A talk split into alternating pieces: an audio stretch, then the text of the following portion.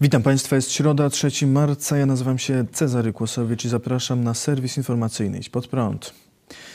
Donald Trump zaszczepił się przeciw koronawirusowi. Dziennik New York Times przekazał, że były prezydent USA oraz jego żona w styczniu przyjęli szczepionkę przeciw koronawirusowi. Wiadomości o tym nie przekazano opinii publicznej. Gazeta uzyskała tę informację od doradcy Trumpa. Nie wiadomo, ile dawek i jakiego preparatu przyjął Trump. Donald Trump przechodził COVID-19 w październiku. Później zapowiadał, że przyjmie szczepionkę, kiedy tak doradzą mu służby medyczne Białego Domu. Jako swój sukces przedstawiał też szybkie wdrożenie produkcji amerykańskiej szczepionki. Jednak faktu zaszczepienia się nie ogłosił. Sytuację skomentował pastor Paweł Chojecki. Donald Trump przyjął e, szczepionkę przeciwko chińskiemu wirusowi już e, w styczniu. Niestety dopiero e, dzisiaj, rozumiem, że to są potwierdzone wiadomości, nikt ich na razie nie dementuje. Dopiero dzisiaj się o tym dowiadujemy. To oczywiście, że się zaszczepił, no to jest jego decyzja. Mówił tak w grudniu, że jak mu lekarze będą radzili, no to on się zaszczepi. Wcześniej też tak się cieszył, że już Ameryka jest coraz bliższa wyprodukowania szczepionki. Ta informacja na pewno dla wszystkich takich powiedzmy antysystemowych, czy dla części antysystemowych naszych widzów no, może być e, pewnym szokiem, bulwersująca. E, ja myślę, że postąpił, zdaje się, że można powiedzieć, w zgodzie ze zdrowym rozsądkiem, bo ważąc za i przeciw, E, tu zaszczepienie się, przynajmniej w jego przypadku, tak częstych wizyt wielu ludzi, kontaktów jest rozsądną decyzją, choć oczywiście zawsze powtarzamy, że każdy sam powinien tę decyzję podjąć. Nie podoba mi się jednak fakt, że zataił tę decyzję. E, wygląda to na to, jakby się chciał, e, można powiedzieć, tak, no, mistrzyć do takiego elektoratu nie wiem jak to nazwać, czy teorii spiskowych, czy takich no, bardzo zatwardziałych przeciwników szczepień, szczególnie tych, którzy mówią, że to jest znamie bestii rządu światowego. Oczywiście z punktu widzenia biblijnego możecie sobie przeczytać Apokalipsę i sprawdzić, że to są bzdury, to nie szczepienie medyczne, to będzie duchowe oddanie czci e, królowi piekła, można powiedzieć, czy księciu piekła, mówiąc precyzyjnie, a nie sam jakiś medyczny e, zabieg.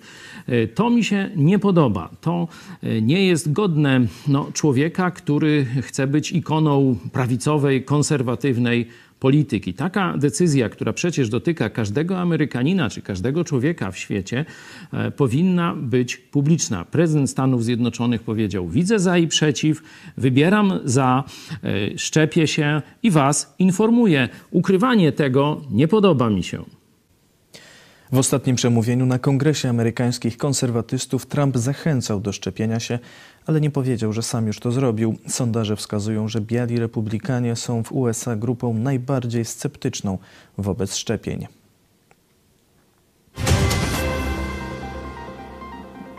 Polski resort zdrowia poinformował dziś o 309 zgonach i 15 600 zakażeniach chińskim koronawirusem. To najwięcej potwierdzonych zakażeń od 27 listopada. Łącznie z powodu wirusa zmarło już w Polsce ponad 44 300 osób. Liczba łóżek szpitalnych zajętych przez osoby zakażone przekroczyła dziś 15,5 tysiąca. W użyciu jest obecnie 1580 respiratorów. Wykonano już ponad 3 miliony 460 tysięcy szczepień, w tym 79 tysięcy wczoraj. Dwie dawki szczepionki otrzymało już milion 210 tysięcy osób.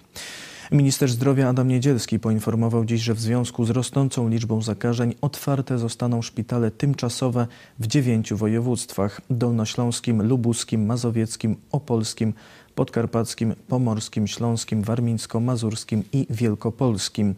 Ponadto rząd podjął decyzję o przekazaniu najbardziej potrzebującym regionom maseczek z Agencji Rezerw Strategicznych. Do województwa pomorskiego trafi 10 milionów maseczek, a do warmińsko-mazurskiego 5 milionów. Lekarze zapowiadają strajk. Ogólnopolski Związek Zawodowy Lekarzy wysłał do medyków list, w którym zachęca do strajku lub zorganizowanego zwalniania się z pracy. List jest reakcją na propozycje płacowe ministra zdrowia, które oznaczają faktyczną podwyżkę dla lekarzy specjalistów o około 19 zł. Jak czytamy w liście, minister nie ukrywał, że uzasadnieniem dla niskiego wskaźnika płacy zasadniczej dla lekarzy są liczne dodatki do pensji, które otrzymują lekarze specjaliści, w tym dodatki za dyżury. Uznał w ten sposób, że praca dodatkowa wykonywana ponad przewidziane prawem normy czasu pracy nie jest obciążeniem, ale przywilejem lekarzy, dzięki któremu mogą oni dorobić do pensji zasadniczej. Tym samym wrócił do koncepcji, która wydawała się już kompletnie skompromitowana i porzucona. W tej sytuacji OZZL apeluje do lekarzy, aby upominali się o godziwą płacę w sposób siłowy. Pierwszą formą ma być strajk, jednak trzeba do tego zgody ponad połowy wszystkich pracowników zatrudnionych w danej placówce. Dlatego Związek Lekarzy zaleca współpracę ze Związkiem Pielęgniarek i Położnych. Drugą formą będzie zbiorowe zorganizowane zwolnienie się z pracy, jak piszą autorzy apelu. Jak dotąd taka forma zmuszania dyrekcji do rozmów zawsze kończyła się sukcesem. Wzywamy do podejmowania takich działań nie tylko w interesie lekarzy, ale i naszych pacjentów. W przeciwnym razie obudzimy się bez publicznej ochrony zdrowia z milionami ludzi, których nie stać będzie na prywatne lecznictwo, podsumowuje związek. Na początku lutego o strajku mówiło porozumienie rezydentów OZZL. Miałby się on odbyć, kiedy uspokoi się sytuacja z pandemią. Piotr Pisula, przewodniczący porozumienia rezydentów, mówił wtedy portalowi Interia. Mimo, że jesteśmy jedną z silniejszych gospodarek Europy Środkowo-Wschodniej, to nadal jesteśmy na szarym końcu, jeśli chodzi o środki przeznaczane na zdrowie. To przekłada się na wszystko. Nie mamy nowoczesnego sprzętu, nowoczesnych terapii, a nawet środków ochrony osobistej. Warunki pracy są trudne, bo mamy niedobory kadry, które powstają, ponieważ personel medyczny wyjeżdża do pracy za granicą, nie godząc się na funkcjonowanie w tak głęboko niewydolnym systemie. Nie ma więc specjalistów, co przekłada się na rosnące kolejki. Finansowanie to naprawdę podstawa. Chcemy wreszcie reformy z prawdziwego zdarzenia, a nie stałego gaszenia pożarów. Dziś Widź pod prąd na żywo swoją wizję reformy systemu opieki zdrowotnej przedstawił poseł porozumienia Andrzej Sośnierz trzeba wdrożyć jakiś jeden y, w miarę spójny y, pomysł. Y, do tego trzeba niestety dojrzeć. A, a bolączką tej, tych wszystkich zmian było to, czego być może ani społeczeństwo, ani też pacjenci, tak, lekarze, pracownicy nie dostrzegają. W pewnym momencie zauważono, a w covid jest to jeszcze bardziej widoczne, że, że system opieki zdrowotnej to też dobra, dobra miejsce do przepompowywania pieniędzy. I zainteresowały się systemem opieki zdrowotnej wcale nie ci, którzy chcieli reformować system opieki zdrowotnej, tylko którzy chcieli zrobić interesy. I, i niestety w pomysłach, które w tej chwili znów y, są robione odnośnie, na przykład w tym Nowym Ładzie, pomysły centralizacji szpitali. Wszystkie szpitale, gdy będą y, państwowe, to od razu za tym pójdzie pomysł, żeby robić centralne zakupy dla tych szpitali. No Eldorado dla tych, którzy te zakupy wykonują. Ja bym wrócił do koncepcji kas chorych, jakkolwiek zmodyfikowanej od doświadczenia nabyte w ciągu tych 20 lat, bo tak naprawdę kasy nigdy, nigdy nie zadziałały y, w, w pełni, tak jak powinny były być. Kiedy zaczynało to już trybić wszystko, no to tą reformę rząd Leszka Millera y, cofnął. Y, więc ten pomysł się sprawdził. Zresztą podobne rozwiązania zastosowano później w Holandii i holenderski system w tej chwili jest uznawany za jeden z najlepszych w Europie, najbardziej sprawnych. Ten system się w Polsce zaczynał sprawdzać.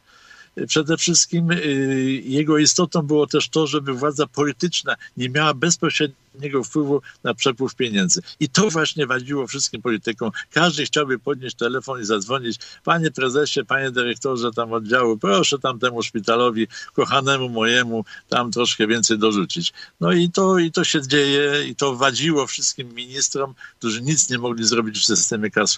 Nie mam zbyt wielkiej nadziei na zmiany w ochronie zdrowia w czasie tej kadencji, no bo już tyle nawijano, że, że, że, że trudno się z tego wycofać. Nowe taśmy Obajtka. Gazeta Wyborcza opublikowała kolejną część nagrań rozmów Daniela Obajtka. Ich treść dowodzi, że miały one miejsce w czasie, kiedy Obajtek był wójtem Pcimia. Z ujawnionych wcześniej rozmów wynikało, że Obajtek wbrew prawu, będąc wójtem, kierował jednocześnie firmą TT Plast. Część polityków broniących Obajtka po poprzedniej publikacji wskazywała, że nie wiadomo, czy nagrania pochodzą z czasu, gdy Obajtek był wójtem. W nowych nagraniach pojawia się Bernadetta Obajtek, żona kuzyna Daniela Obajtka. Bernadetta Obajtek została pracownikiem TT Plastu w 2009 roku, już po wyborze Daniela Obajtka na wójta. Jak podkreśla wyborcza, jest to dowód na to, że prezes PKN Orlen skłamał przed sądem w 2014 roku, kiedy zaprzeczał, że miał kontakty biznesowe z TT Plast podczas bycia wójtem. Z nowych nagrań wyraźnie wynika, że Obajtek kierował działaniami firmy. W rozmowie z 6 sierpnia 2009 roku Obajtek mówi do Szymona, pracownika TT Plastu. Ten rozkład będzie ci przychodził na maila w piątek od Bernatki i będzie to wszystko ze mną ustalane, dobrze? Codziennie po zrobieniu trasy mają dzwonić do Bernatki, zdać jej relację, ona będzie robić ewidencję i ona jeszcze im wtedy coś podpowie, bo zna te firmy. 14 sierpnia 2009 roku z Szymonem rozmawiała Bernatka. Panie Szymonie, mam takie pytanie, bo dowiedziałam się od Daniela. Mówię, że Sławek będzie teraz nominowany na Bieruń i teraz mam pytanie, jak ja mam podzielić Polskę między tymi dwoma przedstawicielami? Mi tak Daniel powiedział, żebym się kontaktowała z panem, jak Polskę dzielić. Dziś Koalicja Obywatelska zapowiedziała złożenie wniosku do prokuratora generalnego Zbigniewa Ziobry, aby w związku z umorzeniem sprawy Obajtka wszczął kontrolę w prokuraturze. O sprawie mówili na konferencji prasowej posłowie Maciej Kierwiński i Cezary Tomczyk. Takie postępowanie sprawdzające wydaje się w 100% powinno doprowadzić do wielu dymisji. W normalnym, demokratycznym kraju, rządzonym przez normalną władzę, która walczy z patologiami, po ujawnionych przez Gazetę Wyborczą informacjach leciałyby głowy w prokuraturze. I mimo, że ta sprawa jest czarno na białym, mimo, że każdy polski obywatel może zajrzeć do tych materiałów, prokuratura w tej sprawie nie zrobiła nic. Co więcej, wycofała akt oskarżenia z sądu. Jeżeli masz kontakt z władzą, z premierem Morawieckim, z prezesem Kaczyńskim, to możesz być bezkarny. Taki oto komunikat płynie dzisiaj do polskich obywateli. Dzisiaj uruchomiliśmy szereg kontroli poselskich, właśnie po to, żeby przejrzeć materiały w samym Pcimiu, żeby przejrzeć materiały w całym województwie małopolskim, żeby dowiedzieć się tak naprawdę, co jeszcze kryje się za działalnością pana Daniela Obajtka. Dzisiaj też e, złożę wniosek jako szef klubu Koalicji Obywatelskiej do pani marszałek Witek o to, żeby rozszerzyć porządek obrad kolejnego posiedzenia Sejmu, po to, żeby prokurator generalny i minister sprawiedliwości, pan Zbigniew Ziobro, przedstawił Sejmowi informację odnośnie śledztwa, które zostało zamknięte wolą właśnie prokuratora generalnego. Każdy Polak ma prawo uzyskać w tej sprawie informacje. Zjednoczona prawica funkcjonuje w sposób dyktatorski, tak stwierdził poseł porozumienia Andrzej Sośnierz w, w dzisiejszym Idź pod prąd na żywo nasz wielki brat no, traktuje nas całkowicie instrumentalnie i nie może się przyzwyczaić do tego, że jednak nawet ten niewielki koalicjant, ale który może przeważyć wynik głosowania, y, powinien być y, traktowany poważnie. Y, I no teraz y, widać było, y, Solidarna Polska no, pokazała, że jednak można inaczej zagłosować w jednym mało istotnym głosowaniu, ale tylko to był sam gest pokazujący, żebyś, żebyście jednak zaczęli nas szanować, bo my możemy niestety, yy, niestety możemy yy, mieć wpływ na wynik głosowania, ale generalnie to jest, to jest ten problem właśnie tej koalicji. Yy, dużo się w, różni politycy mówią o demokracji, o zasadach, a potem ich zupełnie nie przestrzegają. Sposób funkcjonowania naszej koalicji to jest dyktatorski. My mamy tylko głosować, a i, i nie dyskutować. No, y, obudziliśmy się po kilku latach i w końcu mówimy, nie, tak nie można, przynajmniej z nami ustalcie coś, co, co, co chcemy robić. W koalicji rządzącej od dłuższego czasu dochodzi do tarć. Koalicjanci nie zgadzali się m.in. w sprawie ustawy futerkowej. Prezydent apelu, zaapelował dziś do koalicji rządowej o stabilność. Błażej Spychalski, rzecznik prezydenta Andrzeja Dudy w Radiu Plus przekazał apel prezydenta do Zjednoczonej Prawicy. Spychalski został zapytany, czy prezydent nie obawia się rozpadu koalicji. W momencie, w którym pojawiają się istotne rozbieżności, jest taki przekaz, że dzieje się w obozie Zjednoczonej Prawicy coś złego, szczególnie w tym trudnym czasie stabilnego rządu. Oto jest apel, byśmy o tym pamiętali, by Zjednoczona Prawica o tym pamiętała, że wiele wyzwań przed nami i te wyzwania mogą być zrealizowane tylko przez obóz Zjednoczonej Prawicy, bo ostatnie lata pokazują, że ambitne, ważne wyzwania mogą być realizowane tylko przez ten rząd, powiedział rzecznik prezydenta. Wczoraj prezes Prawa i Sprawiedliwości Jarosław Kaczyński spotkał się z Jarosławem Gowinem. Wicerzecznik PiS Radosław Fogiel powiedział, że szczegóły spotkania pozostają między panami biorącymi udział w rozmowie. Ale jak słyszymy, mówią to źródła zbliżone do zaproszonych gości, rozmowy odbywały się w dobrej atmosferze. Przede wszystkim najważniejsze jest to, że rozmawiamy, stwierdził Fogiel w Polskim Radiu.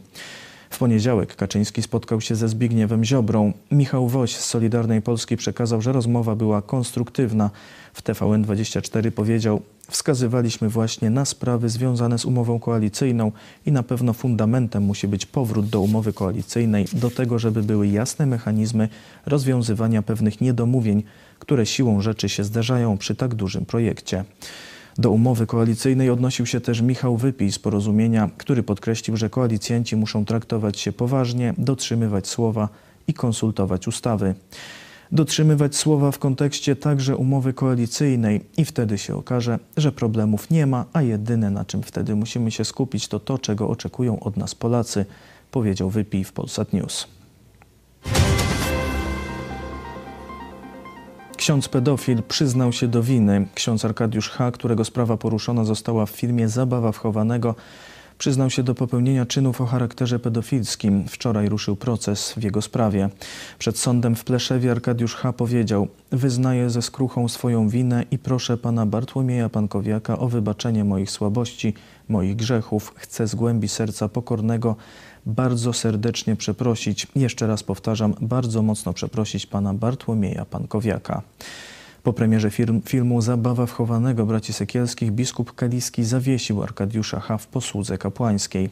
Prokuratura rejonowa w Pleszewie zarzuciła księdzu, że pomiędzy wrześniem 1998 roku a majem 2000 roku w Pleszewie z góry powziętym zamiarem dopuścił się przestępstw o charakterze seksualnym na szkodę 15-letniego pokrzywdzonego. W latach 1994-2000 Arkadiusz miał molestować jeszcze sześciu innych chłopców, jednak ich sprawy uległy już przedawnieniu.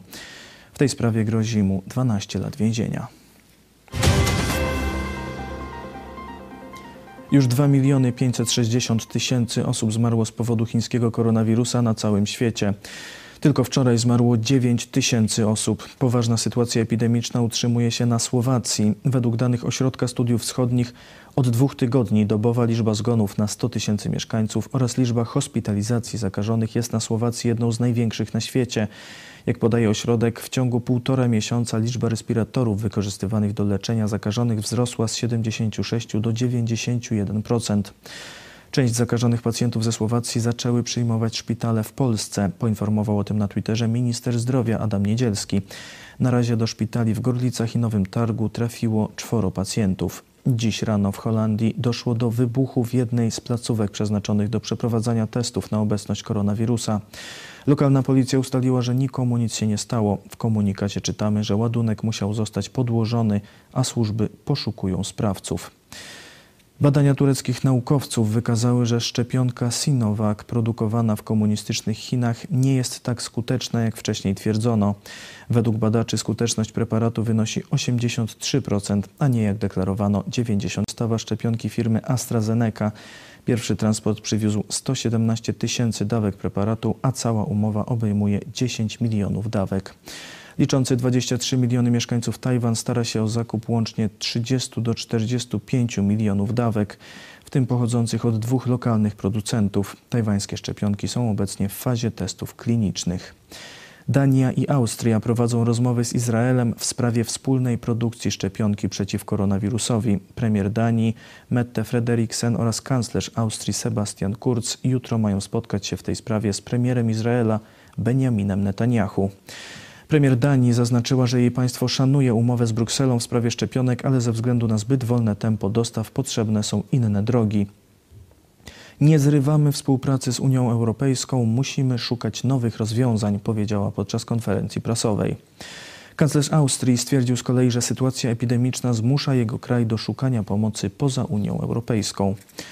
Musimy przygotować się na dalsze mutacje i nie powinniśmy już dłużej polegać wyłącznie na Unii w zakresie produkcji szczepionek drugiej generacji, powiedział Kurz.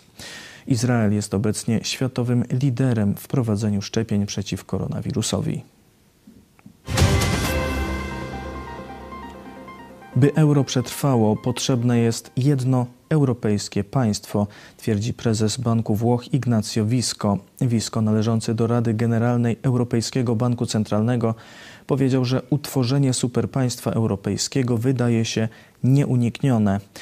Waluta bezpaństwowa może trwać do pewnego momentu, ale później potrzebne jest jedno państwo i unia budżetowa, stwierdził Visco, cytowany przez brytyjski dziennik Daily Express.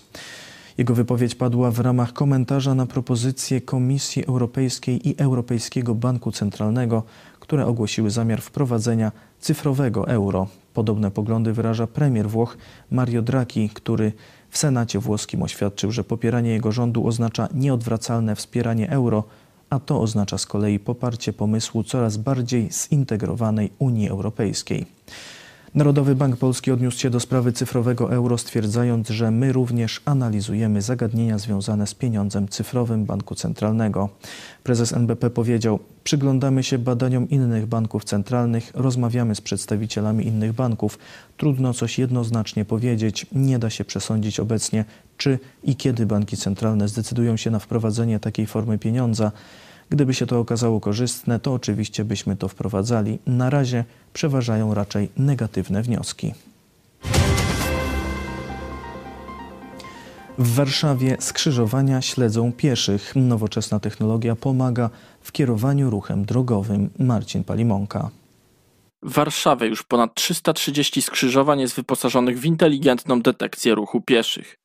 Do tej pory większość skrzyżowań wykrywała obecność pieszych poprzez przyciski, którymi przechodni sami sygnalizowali swoją obecność.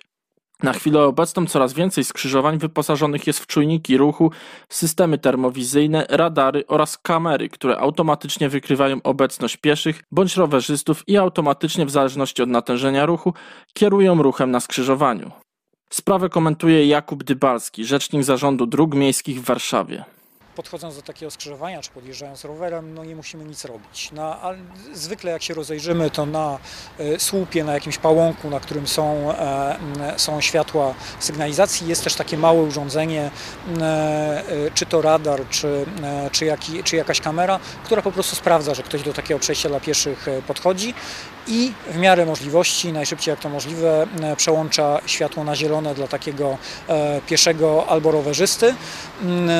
Do tej pory w większości przypadków w takich sytuacjach musieliśmy naciskać ten żółty przycisk, e, który jest przy, przy e, przejściu dla pieszych. Teraz w większości przypadków to już e, nie jest konieczne i z roku na rok coraz rzadziej to jest konieczne, natomiast te żółte przyciski oczywiście z przejść dla pieszych nie znikną, dlatego że one pełnią różne funkcje. One nie tylko wzbudzają zielone światło dla pieszych, ale też na nich są, są oznaczenia tyflograficzne, które osobom niewidomym, niedowidzącym pozwalają zorientować się, jak długie jest to przejście, czy po środku jest jakiś azyl, jak ono wygląda, a przy okazji pod spodem jest, jest guzik, który, poz, po, e, który pozwala na e, włączanie sygnału dźwiękowego. Tego typu rozwiązania automatyzujące ruch na skrzyżowaniach sprawdziły się w okresie pandemii, gdyż pozwoliły na czasowe wyłączenie zużycia przycisków dla pieszych. Dodatkowo zaletą tego typu skrzyżowań jest to, że dopasowują działanie sygnalizacji do natężenia ruchu, dzięki czemu kierowcy samochodów nie muszą czekać na zielone światło, gdy na skrzyżowaniu nie ma pieszych. Tego typu rozwiązania zaliczamy do technologii tworzących tzw. Tak smart city, czyli inteligentne miasta. Warszawa według indeksu City in Motion zajęła w zeszłym roku 54 miejsce na ponad 170 miast w rankingu dotyczącym cyfryzacji przestrzeni miejskiej. Kilkanaście miesięcy temu Warszawa uruchomiła e-kontrolę parkingów. Wyposażone w kamery auta zarządu dróg miejskich automatycznie skanują płatne strefy miasta i każą kierowców za nieuiszczenie opłaty w płatnej strefie. Warto wspomnieć, że w komunistycznych Chinach systemy Smart City są głównym narzędziem inwigilacji obywateli. To właśnie kamery wykorzystywane w inteligentnych miastach służą władzom komunistycznym do skanowania twarzy i monitorowania na masową skalę własnych obywateli. Instalowanie ogromnej ilości kamer może zatem budzić uzasadnione obawy, gdyż wystarczy zmienić ich przeznaczenie i oprogramowanie, aby móc wykorzystać je do inwigilacji ludzi. I przechodzimy do wiadomości sportowych. Piłkarski Puchar Polski wkracza w decydującą fazę. Arka Gdynia i Raków Częstochowa zostali wczoraj pierwszymi półfinalistami.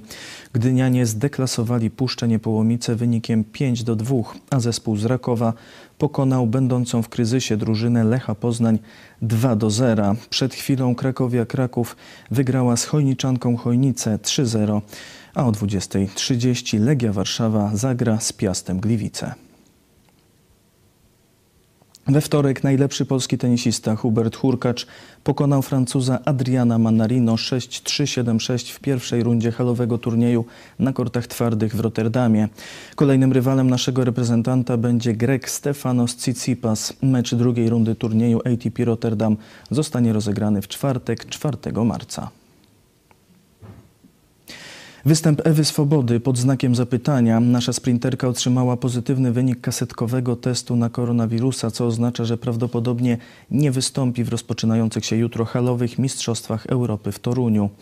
Nie wszystko jednak stracone, gdyż decydujący może się okazać test genetyczny PCR, którego negatywny wynik umożliwiłby start w zawodach. Kobiety rywalizację w sprincie rozpoczynają w ostatnim dniu zawodów w niedzielę. To wszystko w tym wydaniu serwisu. Dziękuję Państwu za uwagę. Kolejny serwis jutro o 19:00. Życzę spokojnej nocy. Do zobaczenia.